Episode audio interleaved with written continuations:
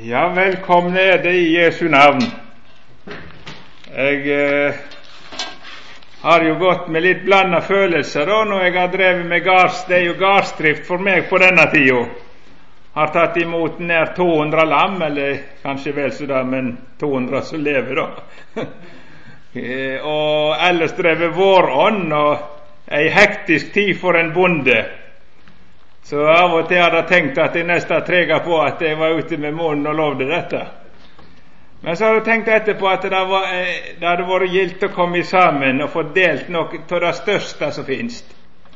Så jeg er nå tross alt glad for jeg sa ja, tror jeg jeg kan si likevel, om jeg kjenner som sogningen sa Hans, de sporene var så bleik om nebbet han skulle fram og ha et ord.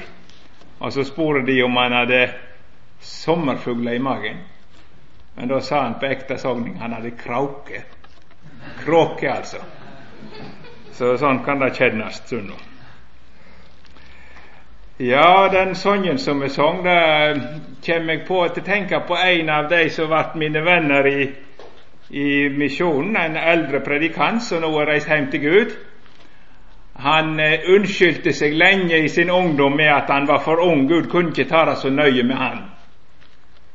Eh, det var ett når de ble voksne, da måtte det bli alvor. Men han var nå bare en guttunge, og det kunne ikke være så nøye hvordan det var med han. Og så sang de 'Finnes akk i verden alder', og da røk den. Så da hadde han ikke det å skyve for seg at det ikke gjaldt ungdommen. Og så ble det hans sak at han òg sto skyldig for Gud. Eh, jeg har jo ikke så enkelt for meg å ta sånne tema og sånt. Det er nå litt opp og ned med, så jeg har nå fått et nokså vidt tema, som dere har sett, ifra fra romerbrevet. Og skulle til å si hva kan ikke da snakkes om? Romerbrevet er jo det skrift i Bibelen som kanskje mest av alt systematisk behandler vår kristne tro. Men likevel så tror jeg at vi skal prøve å, å ha noen tema som tar fram noe av det som er det sentrale. Og da tror jeg at vi, før vi leser noe, så vil vi fortsette å be. Kjære Herre Jesus, vi er for ditt ansikt, og vi har den ene bønn til, meg, til deg. Ber om at du må få nå oss med ditt ord og din ånd. Vi ber om Din Hellige Ånd jeg ber for min del at du vil gi meg en hørende øyre og en munn som kan tale det du ville. Gjør oss stille for deg. Herre, hjelp oss nå å høre ordet som kan saliggjøre. Lukk du opp vårt hjertets øre. Hør vår bønn, vår frelses Gud. Amen. Jeg skulle vel sagt én ting til før jeg begynner på romerbrevet. Og det var at det var veldig fint å få komme her om våren. Jeg har jo helst vært her på den mørke tid og har noe inntrykk av at det er helst mørkt her nord. Men nå må jeg trekke alt det tilbake. Og veldig fint å komme og, oppleve eh, sommer her, da. Nå er det vel kommet et hakk lenger hos oss, men jeg tror det har hatt det varmest i det siste. Ja ja, det er nok om det. Jeg fikk lyst til å si det. Det var så greit å komme her i, i finværet. Eh, når det gjelder romerbrevet, så er det vel to vers som gjerne ofte blir kalt for romerbrevet sitt tema, og de har jeg lyst til å lese innledningsvis, som et, nærmest som et vitnesbyrd. Og Det er 16 og 17 i det første kapitlet. Og vi leser det i Jesu navn. For jeg skjemmes ikke ved evangeliet, for det er i Guds kraft til frelse for hver den som tror både for jøde først og så for greker. For i det blir Guds rettferd åpenbære av tru til tru, som skrevet står, den rettferdige av tru skal leve. Jeg skjemmes ikke ved evangeliet. Kan du si det? Og da må jeg med en gang bekjenne at han som står her, har mange ganger god grunn til å skjemmes med meg sjøl. Og det har jeg gjort. Mange ganger. Jeg har stelt meg sånn stund i livet at jeg har grunn til å skamme meg, og særlig for Gud. Men det er ikke det akkurat det står om her. Men her er det noe Det fins et budskap på denne jord som kan berge en sånn som meg. Og det budskapet er det eneste som kan det evangeliet. Det kan lukke helvete og åpne himmelen for dere alle. En eneste ting evangeliet kan. Og det hadde jeg så lyst til at vi skulle få høre. Det er altså et budskap der Guds kraft Og det er ikke noe vi kan få til, men der Guds kraft virker frelse. Og så skal vi få være i det kraftfeltet der Guds makt er virksom til frelse. Og da betyr frelse ikke i det ordet bare å bli et Guds barn. Det er viktig nok. Men det betyr å nå helt hjem til Gud. Det er ikke stoff i oss til makta det. Ikke noen av oss. Og det skal vi vel inn på litt i dag, da. Men det er én ting som makter det, og det er evangeliet. Det er et budskap som jeg og du skal få lytte til. Det står bl.a. i Esaias 55, et veldig flott kapittel. der. Og Der står det at det som ingen penger har, om det er skyldig for Gud til neve, langt nedover ørene og ikke kan betale for noe, så står det likevel 'Hør, så skal det leve'. Tenk det. Jeg har ofte måttet tatt fram at den, eh, for min egen del mest i grunn eh, den første plassen de finner det ordet evangeliet eller sånt brukt utenom kristen sammenheng. Det har visst vært brukt nok i profangresken, og der de finner det først, der var det i, når to folk lå i strid. Vi har jo lest historien sånn fra gamle tider, f.eks. mellom Sparta og Aten i, i Grekerland, eller mellom Persia og Ja, det, det var krig alle veier, så det er ikke vanskelig å finne eksempel på. Det har det vært siden òg. Men når det var krig, så sendte de ut hærene sine, og så bar det løs. Og så var det da folket som vant. Da tok jo de andre til trella nærmeste. Og så var det noen som tapte, og de ble trella. Av voldsom forskjell.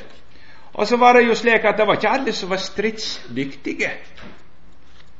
Så noen de var bare hjemme i landsbyene og venta i djup spenning.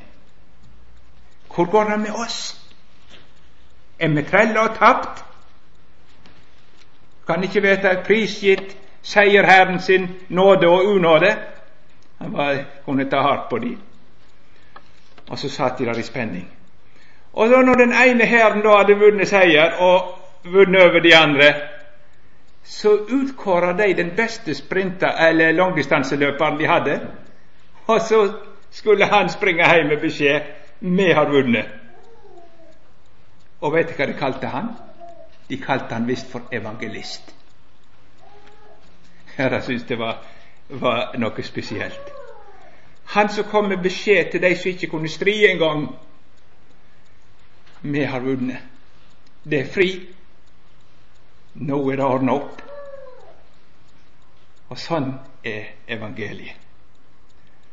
For vi var hardt i det, ser du, der djevelen tau oss i vei til fortapelsen hadde makten, og det fantes ikke en av oss som makta å gjøre oss fri. Men så var det en som tok striden. Og så vant han så herlig for oss alle. Og så kommer et budskap til dei som ligger unna og ikke kunne stri.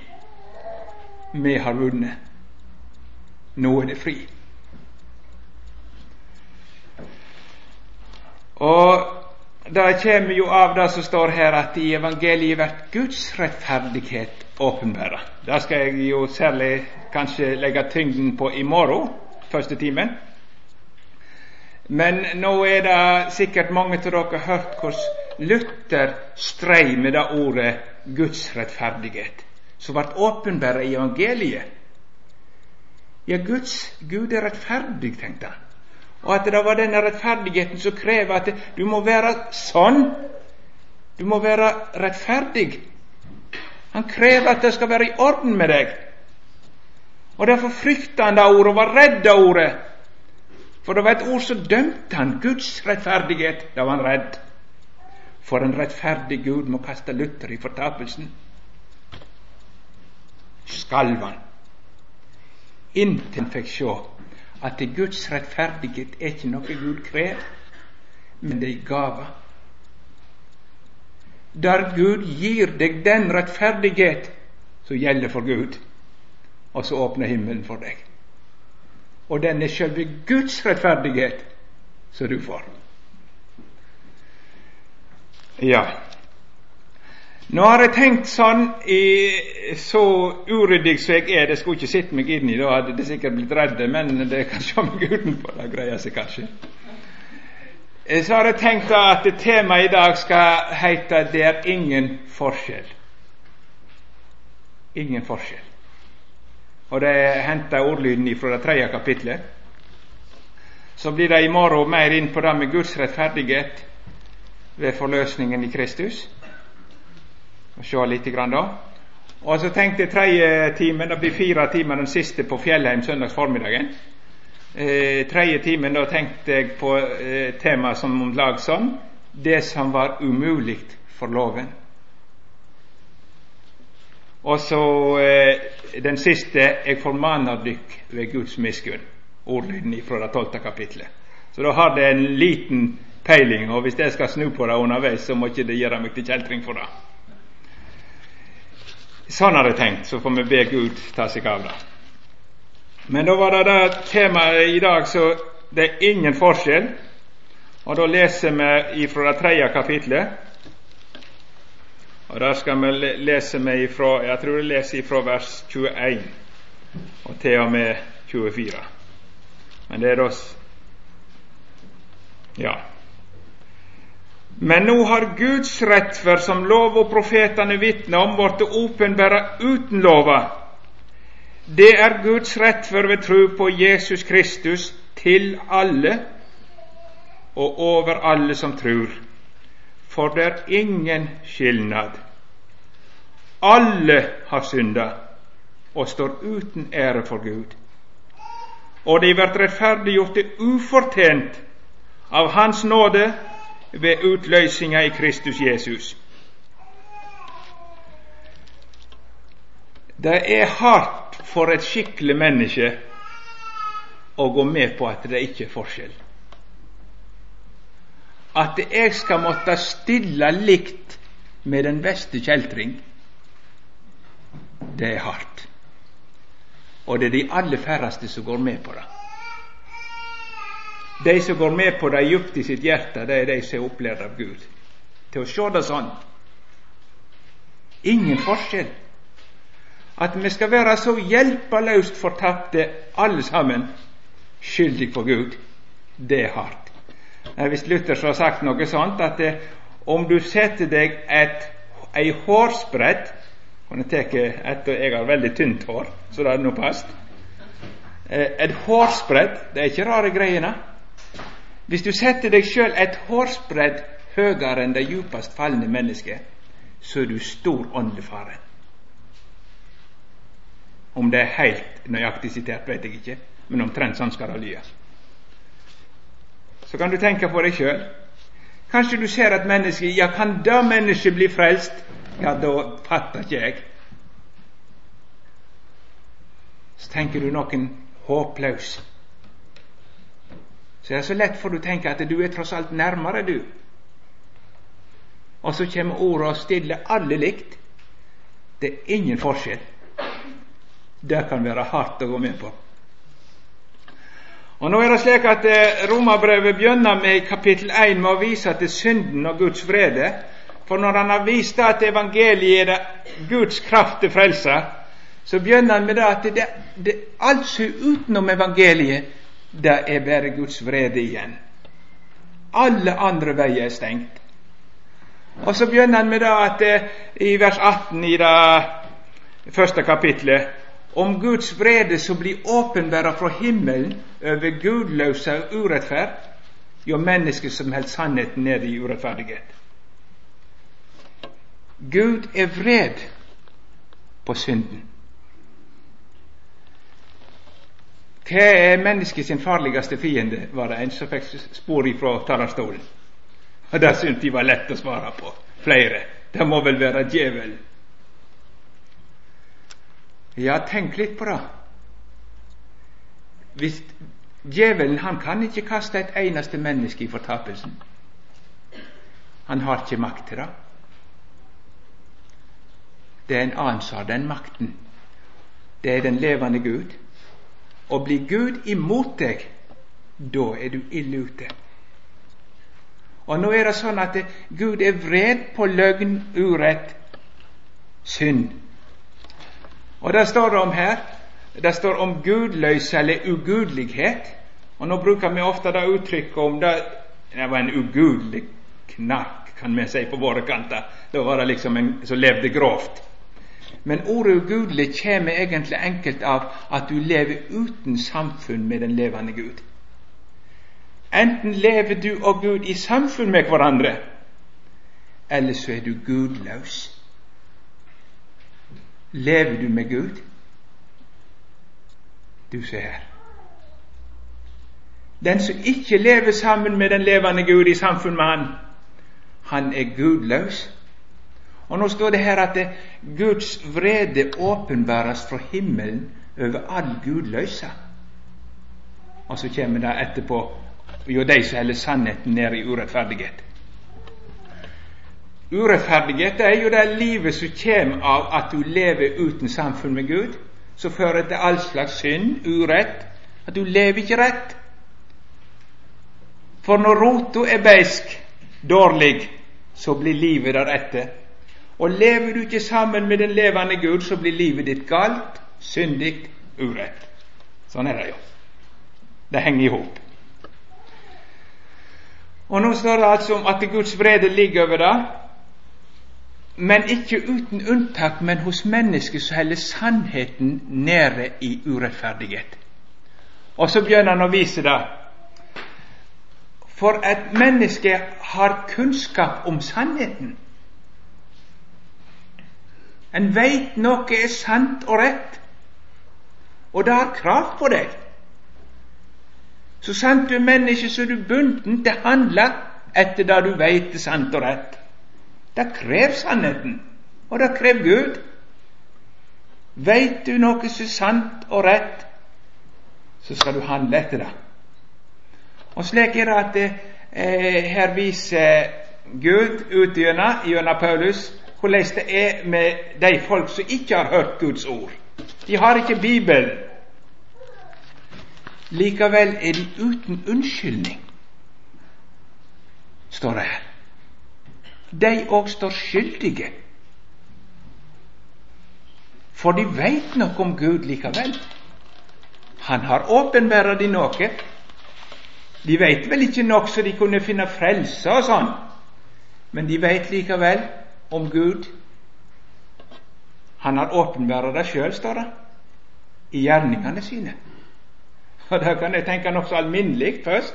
Hvis jeg kommer en plass på fjellet, og så ser jeg ei mur, eh, noen ruiner eller et eller annet, så sier jeg her har vært folk. Jeg er ikke tøsnere enn det. Ser jeg at det har vært noen ruiner av et eller annet bygg, så vet jeg her har vært folk.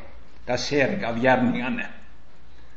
Og sånn sier Gud at når et menneske ut ifra det Gud har vist av skaperverket, livet og alt sammen, så er det nok til at han står ansvarlig overfor. Det er én som står bak. Det nytter ikke å gjemme seg for. Og I tillegg så har menneskene en gudgitt forståelse av rett og galt som ligger naturlig. Mange av de som ikke har Guds ord, de dømmer hverandre for synd. Du stal kua mi. Ja, de har ikke hatt Guds bud at de ikke skal stjele, men likevel så veit de det. For lovens gjerning står nedskreven i menneskene sine hjerter. Det står om i kapittel 2. Men det som er her at et menneske skal ikke si, kunne komme fram for Gud og si 'Jeg visste ingenting'. Da skal Gud stoppe munnen på deg og si 'Jo, du visste det var en evig Gud, men du tok ikke konsekvensen av det'. Du søkte han ikke. Du fylte ikke det du visste var sant og rett, men du bytte det bort. Og Da gjelder det nok enkeltmenneskene, men det gjelder òg folkene. Tenk bare på alle de som levde på Adams tid. De kjente Adam. Adam hadde preika til dem, fortalt om Gud. Og likevel så bytte de bort Guds kunnskap i løgn og ble overgitt til urettferdighet og elendighet, så Gud måtte utrydde slekta i syndefloden. Og så var de med alle tre sønnene til Noah i floden. Og så gikk det noen få år, så ville de leve uten Gud igjen. Så sterke bevis på den levende Guds makt. Men de tok ikke vare på det. Tok ikke vare på kunnskapen om Gud men ble dårlig i sine hjerter. Og Da er det sånn, så alvorlig at det følger ikke et menneske da han veit om den sanne Gud. Så står der 'så overgir'. Sånn er Guds vrede. Vi tenker jo, vi som har hørt mye, at Guds vrede det er først og fremst fortapelsen. Og det er sant. I evigheten skal Guds vrede åpenbares på en ganske annen måte enn vi noen gang kunne tenkt.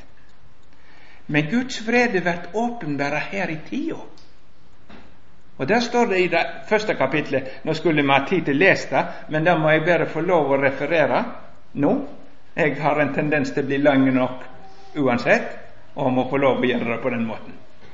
Men da står det at Gud straffer religiøs synd, at jeg ikke følger det jeg veit om Gud, veit om sannheten, med at Han overgir meg til syndens makt. Det er straffa Guds vredes dom over de som ikke følger det de veit om Gud. Vil du ikke ha sannheten, vel, så kan Gud komme derhen at han gir deg løgna. Og det er ikke bare på det religiøse, jo, de blir tomme i sine hjerter og begynner å dyrke avguder. Og heller ikke fast på sannheten om Gud. Så kommer det andre ånd inn jeg kan være sikker på huset står ikke tomt. Et menneske blir ikke stående tomt. Vil de ikke ha samfunn med den sanne Gud, så kommer avgudene til å gjøre sitt inntog. Vær du trygg. Men ikke bare avgudene, men mennesket synes si makt i mennesket er så stor at hvis Gud drar si hånd tilbake, så går menneskeslekta ned. Ifra vondt til verre så de blir ikke bare menneskelige, men de blir dyriske. Og da kan en se utover hedenskapet på jord. Det blir skildra her i sin råskap. Der mennesker har hatt kunnskap om Gud, men gitt den ifra seg, der blir mennesket overgitt til syndens makt. Og så går en fra vondt til verre. Så foreldre gir ende på sine egne bånd. De lever sammen som dyr, skjemmer sine legemer ifra det ene til det andre. Og når det, Jeg får si en ting til her i denne sammenhengen. Når det er sant for de som bærer naturen sitt lys, det lyset som Gud har åpenbart gjennom sine gjerninger og sine handlinger, og det som står skrevet i menneskehjertet slik. Hvor mye verre er det ikke for de som har ordet? Når det er alvorlig for de som forakter det svake månelyset om natta, hvor er det ikke da de som vraker den klare sola? Og Derfor ser vi at det går veldig skummelt i Norge. Det er ikke til stikk under stol. Fordi at Norge har vært velsigna med en veldig kunnskap om den levende Gud. Ordet har vært forkynt i dette landet så få andre land har opplevd. Og når landet da vender seg fra Gud og Guds ord, så må det komme en følge. De viser på i den første tida sa vi skal hive dogmene og læren om Gud, det vil vi ikke ha, men moralen skal vi ta vare på. Her sa de ateistene i begynnelsen. For de mente den kristne moralen var god, men læren om Gud og Jesus og alt det der skulle ikke de ha. Da svarte de kristne det kommer aldri til å gå. For tar du vekk læren om Gud, så blir menneskene overgitt til umoral. Og så kan en følge Norge. Jeg har av og til etter en eldre forkynner pekt på når kristendommen kom til Norge. Da fikk vi noen kristne lover. Da ble det forbudt med straff å sette båndene ut i skogen. Det gjorde de før. I redsla og forskjellig. Var det en som var født på feil dag eller noe greier med, så ut i skogen. Der var det slutt. Og så ble det en ting til. Det var Hver mann skulle ha ei kone. Ekteskapet. Kom ikke ta med han ville. Og hun skulle samtykke. Det ble det lov om. Og gjorde hun ikke det, så var det pålagt straff, altså. Det var den andre kristne lova. Og den tredje det var at eh, søndagen skulle holdes hellig. Norge fikk en hviledag. Seinere så har vi fått litt mer. Og så går det fram gjennom reformasjonen og vekkelsene som kom i følge ja, Vi kan tenke på Pontoppidan og alt som såddes i folket og løftes opp i kunnskap om Gud inntil vekkelsene brøt ut særlig i 18 og 19, eh, begynnelsen på 1900-tallet. Så hele landet opplevde at Gud var nær med sin ånd og sine ord.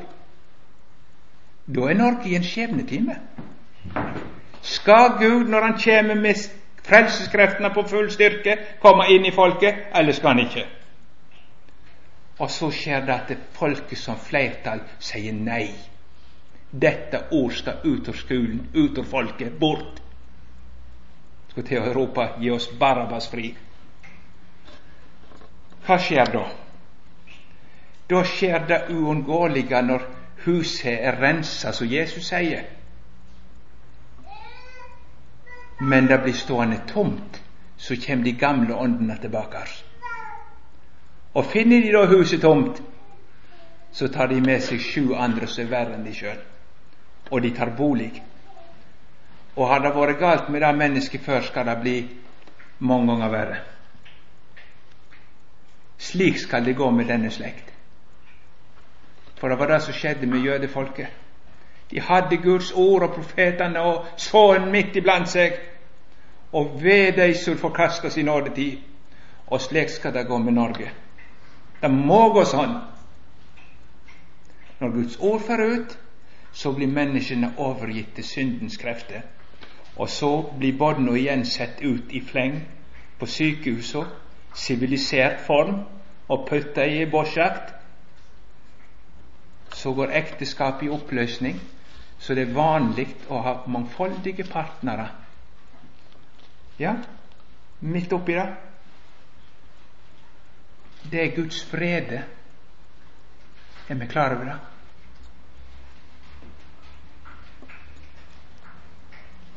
Den som ei vil lyset kjenne, han skal si på lyset brenne. Så gjelder det òg oss.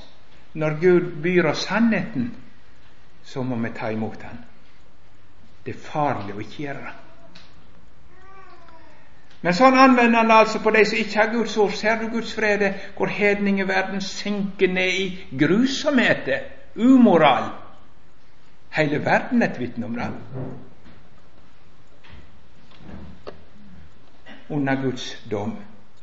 Sånn ligger de i synden verden. Men så skal vi lese litt, og nå må vi lese. For nå går vi til andre kapittel, og da, snur han seg liksom ifra de som ikke har Guds ord, som lever langt borte, til de som har Guds ord. De som veit Guds klare ord om hva som er rett og galt, og, og det ene med det andre. Og da står det sånn Derfor er du uten årsaking, du menneske, hvem du så er som dømmer, for idet du dømmer en annen, fordømmer du deg sjøl. Du som dømmer, gjør du sjøl det samme. Vi veit at Guds dom, som er etter sanninga, er over de som gjør slikt. Men du menneske som dømmer de som gjør slikt, og sjøl gjør det samme, Mener du at du skal slippe unna Guds dom? Eller vanvører du Hans rikdom på godhet og tålmod og langmod, og veit ikke at Guds godhet driver deg til omvending? Med din harde hug og ditt ubotferdige hjerte hoper du opp vrede over deg til vredens dag, den dagen da Gud åpenbærer sin rettferdige dom. For han skal gi hver og en att etter det han har gjort. Ja, nå vender han seg til den som dømmer. Og når vi har uttalt litt om det som finnes i verden, og det skal jeg gjøre litt i meg så vil en som opplærer av Guds ord, og du vil gjøre det, du dømmer det. Dette er galt. Det skal ikke være sånn. Og når du kan dømme om disse ting, så viser du at du har kunnskap om Guds sannhet. Ellers kunne du ikke felt en dom. Du veit hva som er rett. Og Derfor er du skikka til å dømme og si dette er galt, dette er rett. Du har kunnskap. Og Derfor kan du òg være sånn som det står lenger ute, gi deg ut for å være lærer for disse andre. Sånn skal de leve. Du har kunnskap om Guds ord. Du har fått en besignelse At du går ikke bare i blinde og favner og tror dette skal være veien. Men du har lært. Dette er rett. Dette har Gud sagt. Og da må ikke du se på som noe ringt. Det er noe veldig å ha fått Guds ord. Da må vi helle så høyt Tenk at Gud har gitt oss sitt eget ord. Vi slipper famle i blinde. Vi veit. Men derfor er de uten unnskyldning når du dømmer synderne. Og hvorfor er du det? For du gjør sjøl det samme. Den er ikke helt god å ta med en gang. Det gjør jeg vel aldeles ikke, tenker kanskje du. Ja, vi vil prøve å se litt på det.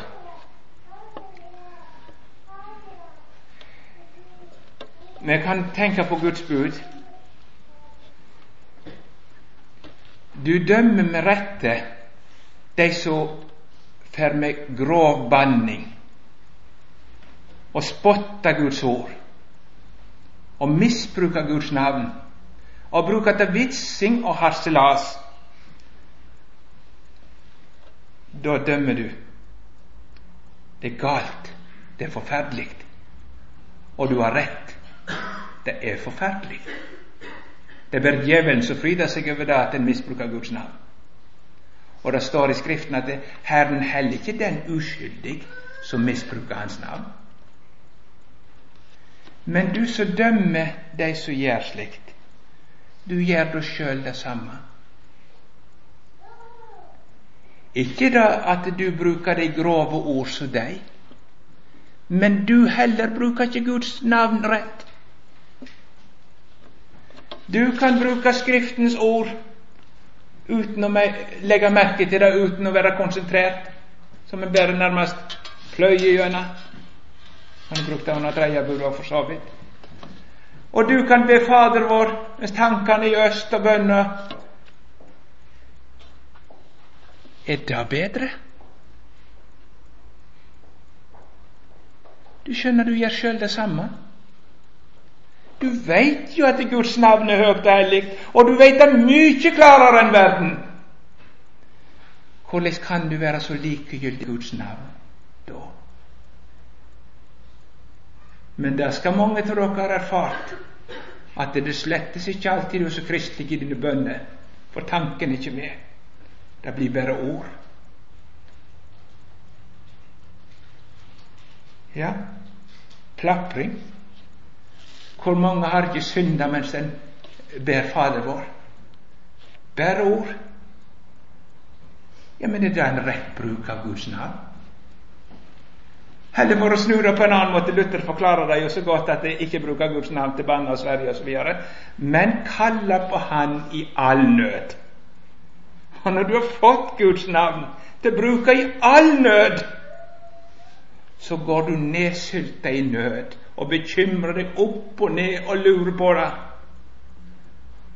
Da misbruker du Guds navn, for du kaller ikke på Han i all nød. Du oppfører deg som om Gud ikke fantes, at han var døv og blind og ikke kunne noe. Og så vanærer du Gud og står skyldig etter andre bud. Du kjenner Guds navn. Du har fått åpenbare så mye om den veldige Gud, men det bryr deg så voldsomt lite mange ganger. så står du skyldig. Så kunne en tenke på tredje budet. Det har jo med hvile og nå ser en at det er blitt en arbeidsdag for mange. Det er jo ikke så vanskelig å se når det gjelder bønder, noen som bruker særlig de helgedagene er ekstra gode til å kjøre ut både møkk og annet. Det ser en jo. Og du dømmer med rette og bruker den dagen som setter av til Guds ord og hvile som det var en hvilken som helst annen dag. Men vær nå litt forsiktig, så du får du dømme deg sjøl. Fordømme deg sjøl. Du gjør sjøl det samme. For dagen blir ikke hellig om du hviler hele dagen. Men den skal være innvidd til Gud. Ord og bønn, samlinger med de hellige og du som bruker det både med ulyst og ikke stadig vekk, så er det jo du som misbruker helligdagen og bryter det tredje bud. Hvis du går videre til de budene som har med menneskelivet så gjøre, så er det jo retta, som jeg sa, å påtale abort. Det er jo en forferdelighet, og det, det, det må ikke vi unnlate å si.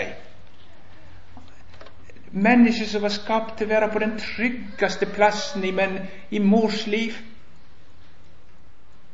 Uten noen ting skåret vekk. Det er farlig at vi kan venne oss til det, så det ikke er noe stort. Men jeg pleier en stund å tenke sånn at det, det er Auschwitz-ovnene som brenner dag og natt. Røyken opp, lik etter lik. Det er jo forskrekkelig og du dømmer det. Og du legger merke til hat og kriminalitet og, og, og det ene med det andre. En kan, trenger ikke gå så grovt til verks, men hat Mennesker som ikke kan fordra hverandre. Og du dømmer det. Men så står det her du som dømmer, gjør du sjøl det samme. Nå mener jeg ikke nødvendigvis at hånda di slår i hjel, skjønt det kan nok være noen som har brukt hånda på en måte som en skulle latt ønskt det aldri var gjort. Det er nok noen av oss som må svare for det òg. Hånda var med på å skade et medmenneske i oppveksten, eller iallfall såre. Det kan skje. Men det er jo du som ikke skal slå i hjel, ikke hånda di. Er du ukjærlig mot et medmenneske, likegyldig for deres nød, så er det òg mord. Du skal elske de neste. Og så kan du leve blant de, og du tror for visst at de seiler for toppa seg mot fortapelsen. Og det betyr ingenting for deg. Eller de opplever noe tungt. Og så kan du komme med tanker det var godt de ikke traff meg. Du gjør jo sjøl det samme. Det er jo det samme sinnelaget som du finner hos en drapsmann. Så du fordømmer deg sjøl. Du gjør jo sjøl det samme. Sjøl om ytre opplæring og mange ting hindrer deg å gjøre det det ytre, så fins det likevel det samme kjølige hjertet.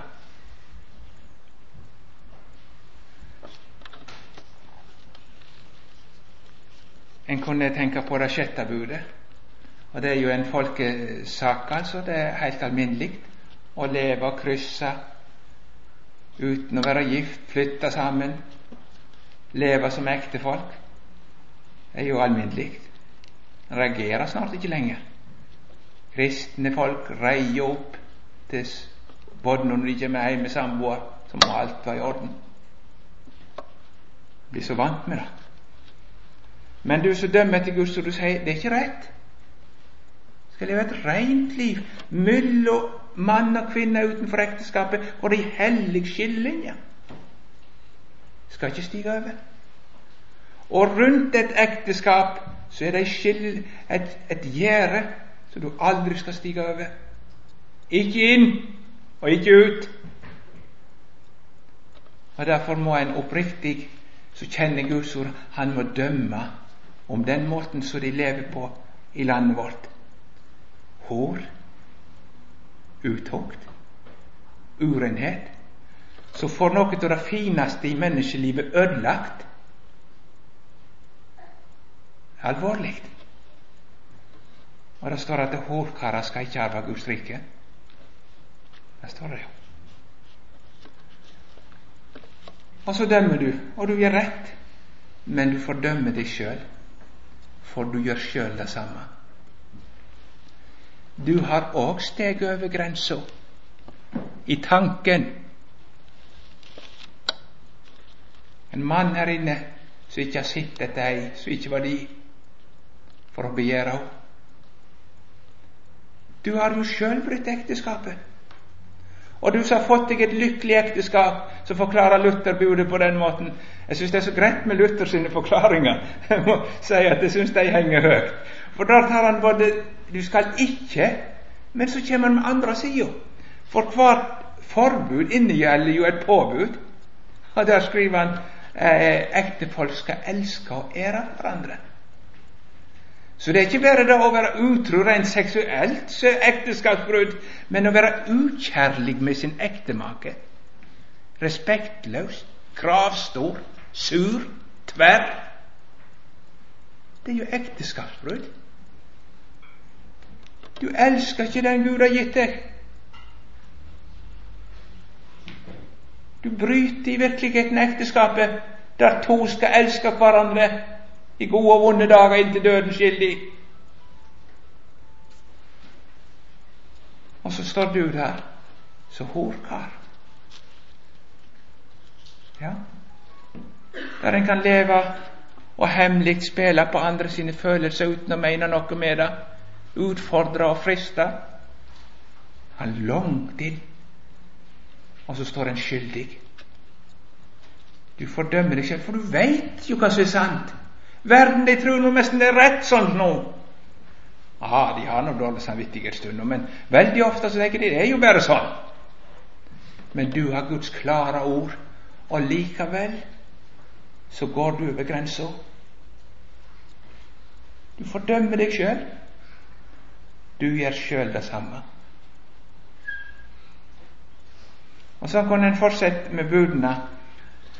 Nå hoppet jeg med vilje over første bud, for det jo det svære at du som fordømmer de som dyrker andre guder, og sier det fører ikke fram, det er galt.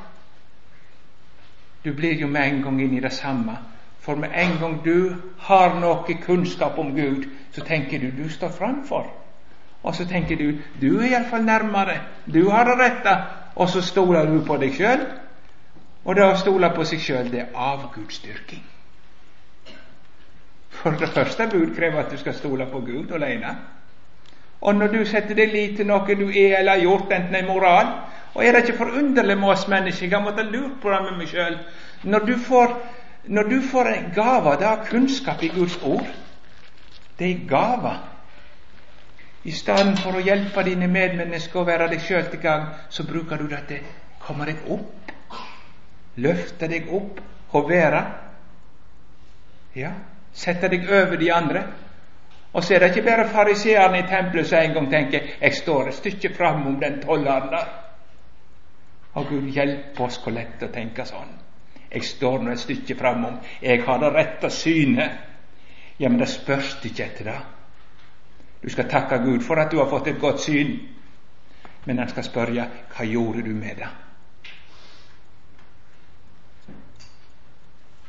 Og er du sann, så kan det hende at du får mer å svare for enn de som lever langt bort ut i mørket. Du som har opplevd så store velsignelser for Guds ord. For du var liten, ble du båren fram til Gud.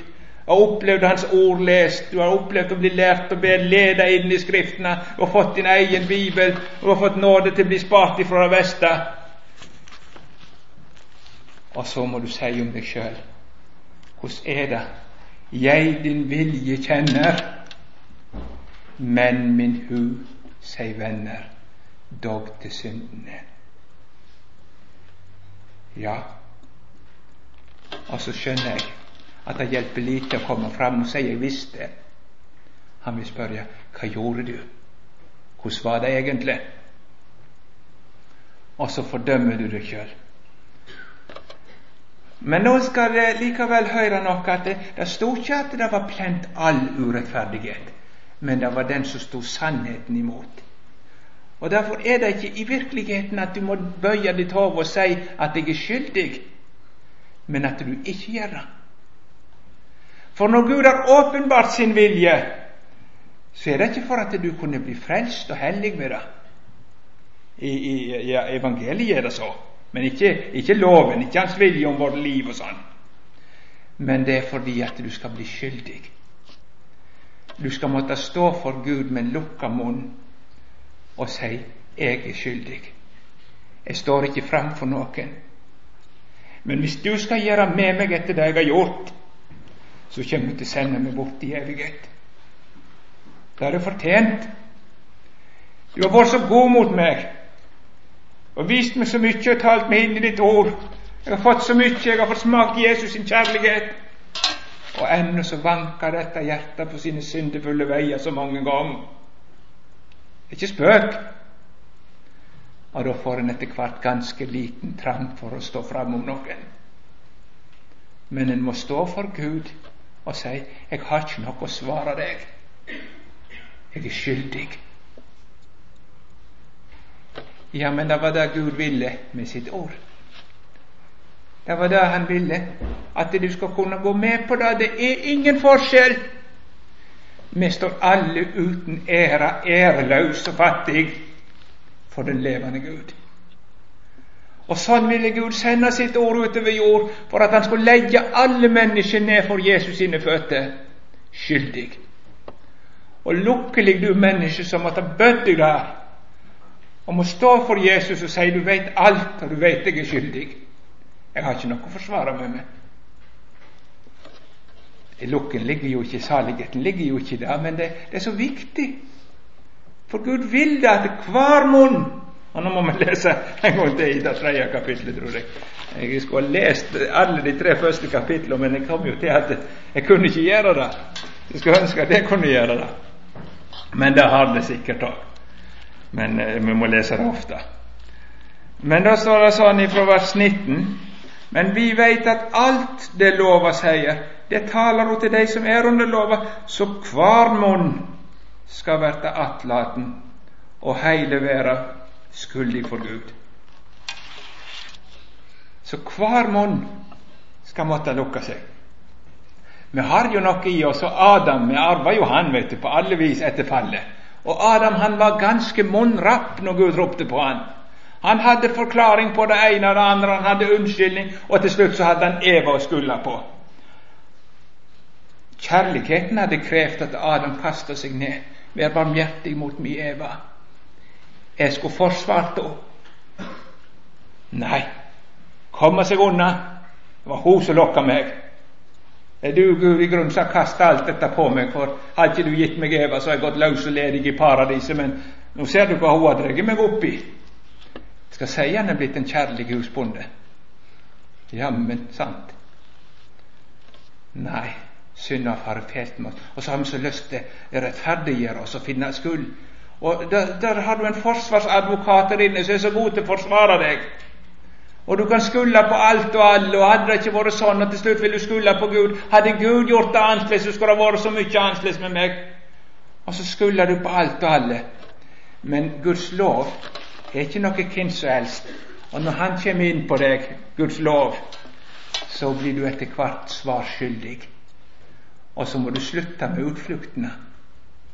Og så må du bare stå for Gud og si 'Jeg har stelt meg sånn at jeg fortjener din dom'. Amen. Skyldig. Ja, men det blir jo ikke oppbyggelig. Nei, men det er sant. Jeg tenker det er best å gå med på sannheten. Det er bare én ting at alle mennesker skal oppleve det. Så dette trenger vi ikke lure på. Hver munn skal lukkes, og hele verden blir skyldig for Gud. Det er bare det at det lukkelige de som opplever det i nådens tid. Det kommer en dag når Gud skal kalle alle mennesker fram, Og da er jeg sikker på at Gud skal tale veldig enkelt om synd. Da skal han tale så det går gjennom marg og bein. Og de som da ikke før har fått en lukka munn, de skal få en lukka munn. Og har ikke et ord å si. Og så må de, som en predikant på Sørlandet sa, be Han med den naglemerkte hånda og åpne døra for seg ut i den evige natt. Og de vil måtte si han er rettferdig i alle sine dommer. Så hver munn skal lukkes. Men så er Gud så nådig at Han kommer og vil overbevise oss i nådetida, så vi blir stående der. Det er ingen forskjell.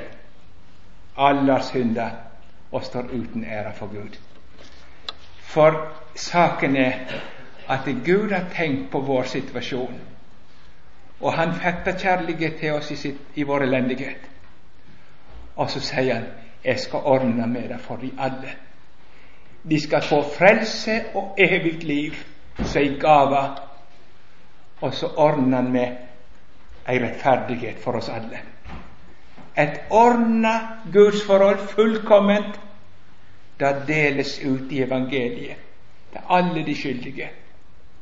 Og der er det heller ingen forskjell hvem du enn er og hva du har gjort. Guds rettferd er til alle. Han har samla en flokk av oss her inne. Og Gud alene veit hvordan det ser ut i våre hjerter til bunnen. Men én ting er sikkert. Jesus har ordna med et fullkomment gudsforhold til oss alle. Jeg har av og til brukt bildet fra mitt eget liv på den måten at jeg, jeg og Wenche drev og uh, lasta ned tegninger, og hun tegna jo litt òg, og prøvde å få oss opp. Men når vi kom til byggingen, så fant vi ut vi hadde ikke råd, vi greide ikke få opp hus. Men uh, jeg bor ikke ute. Jeg har fått flytte inn i et hus som sto ferdig.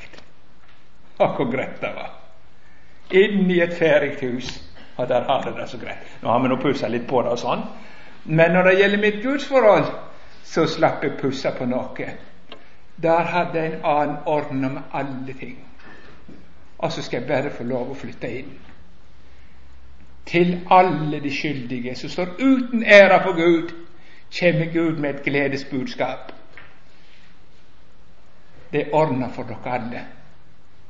Hos Jesus er det nåde å få for dere alle. Nå kan dere juble og fryde dere. Det er en som sitter på det beste, og så har han ordna med ei frelse så stor. Og så rekkes det deg i et gledelig budskap. Evangeliet er Guds kraft til frelse. Gud har gitt deg Jesus, og i Han alt du trenger til evig liv dekning for alle dine synder. Og alt av Gud i sin strengeste lov krev, da får du seg gave. Og du store Gud, er dette til meg? Å nei og nei, da går det an å leve. Kjære Gud, du som ser oss, har du ordna med noe sånt. Og så var det det loven ville gjøre, at du skulle bli av de som bare måtte stå der og ta imot. Og hadde ikke noe. Ja. skyldig, men så i den lykkelige stillingen som skyldig å få ta imot alt for ingenting. Jeg står ikke fram om noen, men jeg står der likevel. Det som ingen penger har, kom og kjøp. Fullt hus. Jeg må visst ta med, jeg har noen stubber, men når han reiste en stund, så begynner de å gå igjen. vet du. Han sa jeg var begynt å gå igjen her oppe. Jeg syntes det var uhyggelig å høre. Den dagen jeg drar herifra, skal jeg iallfall ikke gå igjen en eneste gang til. men i midlertid så kan det være gildt å komme opp om. Men, men eh, jeg hadde en, en, god venn, og han, han eh, ja, han var mye eldre som meg, så jeg burde ikke sagt det sånn, kanskje, men jeg lærte så mye til han og ble glad i han. Han var et bønnemenneske. Og så I tillegg så brydde han seg om folk når de kom på besøk. Og Han drev en sånn blomsterforretning. Og, og, og, så kom det noen innom, så tok han det gjerne med seg inn. Da, ikke bare i butikken, og spole sånn, men kom inn og sette seg og prata med litt. Og Så gikk de inn i et rom som var bakom der. Og så spor han kanskje på veien Nå, hvordan har du det med Gud?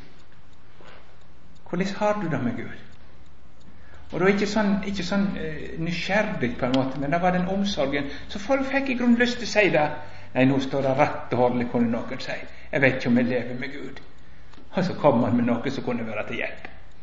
En av de som pleide å stikke innom, det var en annen som jeg kjente veldig godt, som var predikant. Han skulle ut og reise. Og han var ikke så høy i hatten. Han tenkte jeg stikker innom til han Fridolf Torstensen, som han heter. Noen av dere har nok hørt den før. Eh, ja, men Torstensen han gjorde ikke forskjell på noen. Han kom det en predikant, så spurte han gjennom det samme. Nå, hvordan har du det med Gud? Jeg har en god venn litt lenger nord her som ringer til meg av og til. Nå, hvordan lykkes det deg å tro, sier han. så må jeg ut med dette. Ja, ja.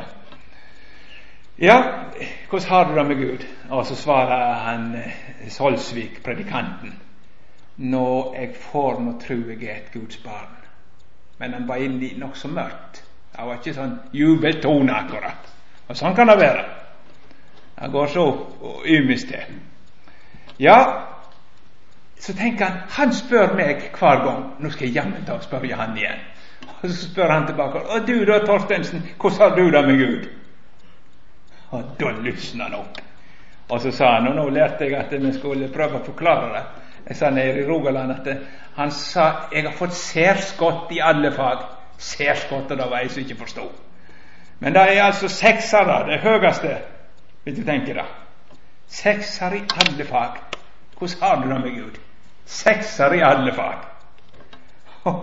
Og han sier 'Å, hvem var det som eksaminerte deg?'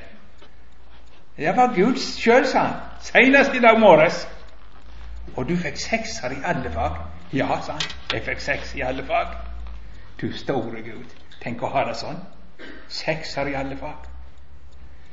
Og Så ser han på han, og så kommer det ei tåre i øynene på Torstensen, og så sier han da I meg sjøl jeg er en makk og en orm. Jeg har strøket på alt. Men jeg har fått Jesus sitt resultat. Sekser i alle fag. Det Jesus gjorde, er mitt. Og bedre kan det ikke bli. Ei rettferd til alle og over alle som tror. Og så rekker Gud fullt hus til dere alle skyldige. Og hva sier du til det? Gud velsigne dere til å høre gledesbudskapet. Kjære Herre Jesus, vi takker deg fordi du taler i ditt ord. Og Nå ber jeg at det må ikke bare bli ord, men at du får tale sånn med oss at det blir en virkelighet i våre hjerter. Så ser du om det er noen som prøver å gjemme seg i denne forsamlingen, eller unnskylde seg, eller bortforklare, eller rømme unna. Herre Jesus, jeg ber om at de må ikke flykte mer, og med sin harde hug og ubotferdige hjerte hope opp vrede. Herre, må de få bøye seg for sannheten, om den er aldri så hard. For du er ikke hard med de som bøyer seg for sannheten. Da har du et sånt forunderlig ord til oss alle, Herre Jesus. Jeg ber deg for denne helga at vi må få oppleve at du får nå oss med dette ditt ord. Så takker jeg for min del, Herre Jesus, at jeg får bo i noe så ferdig. Intet godt jeg bringer deg, til ditt kors jeg klynger meg. Naken jeg om kleder bær, hjelpeløs til nådens hær. Uren flyr jeg til ditt blod, rens meg, Herre, i din flod. Amen.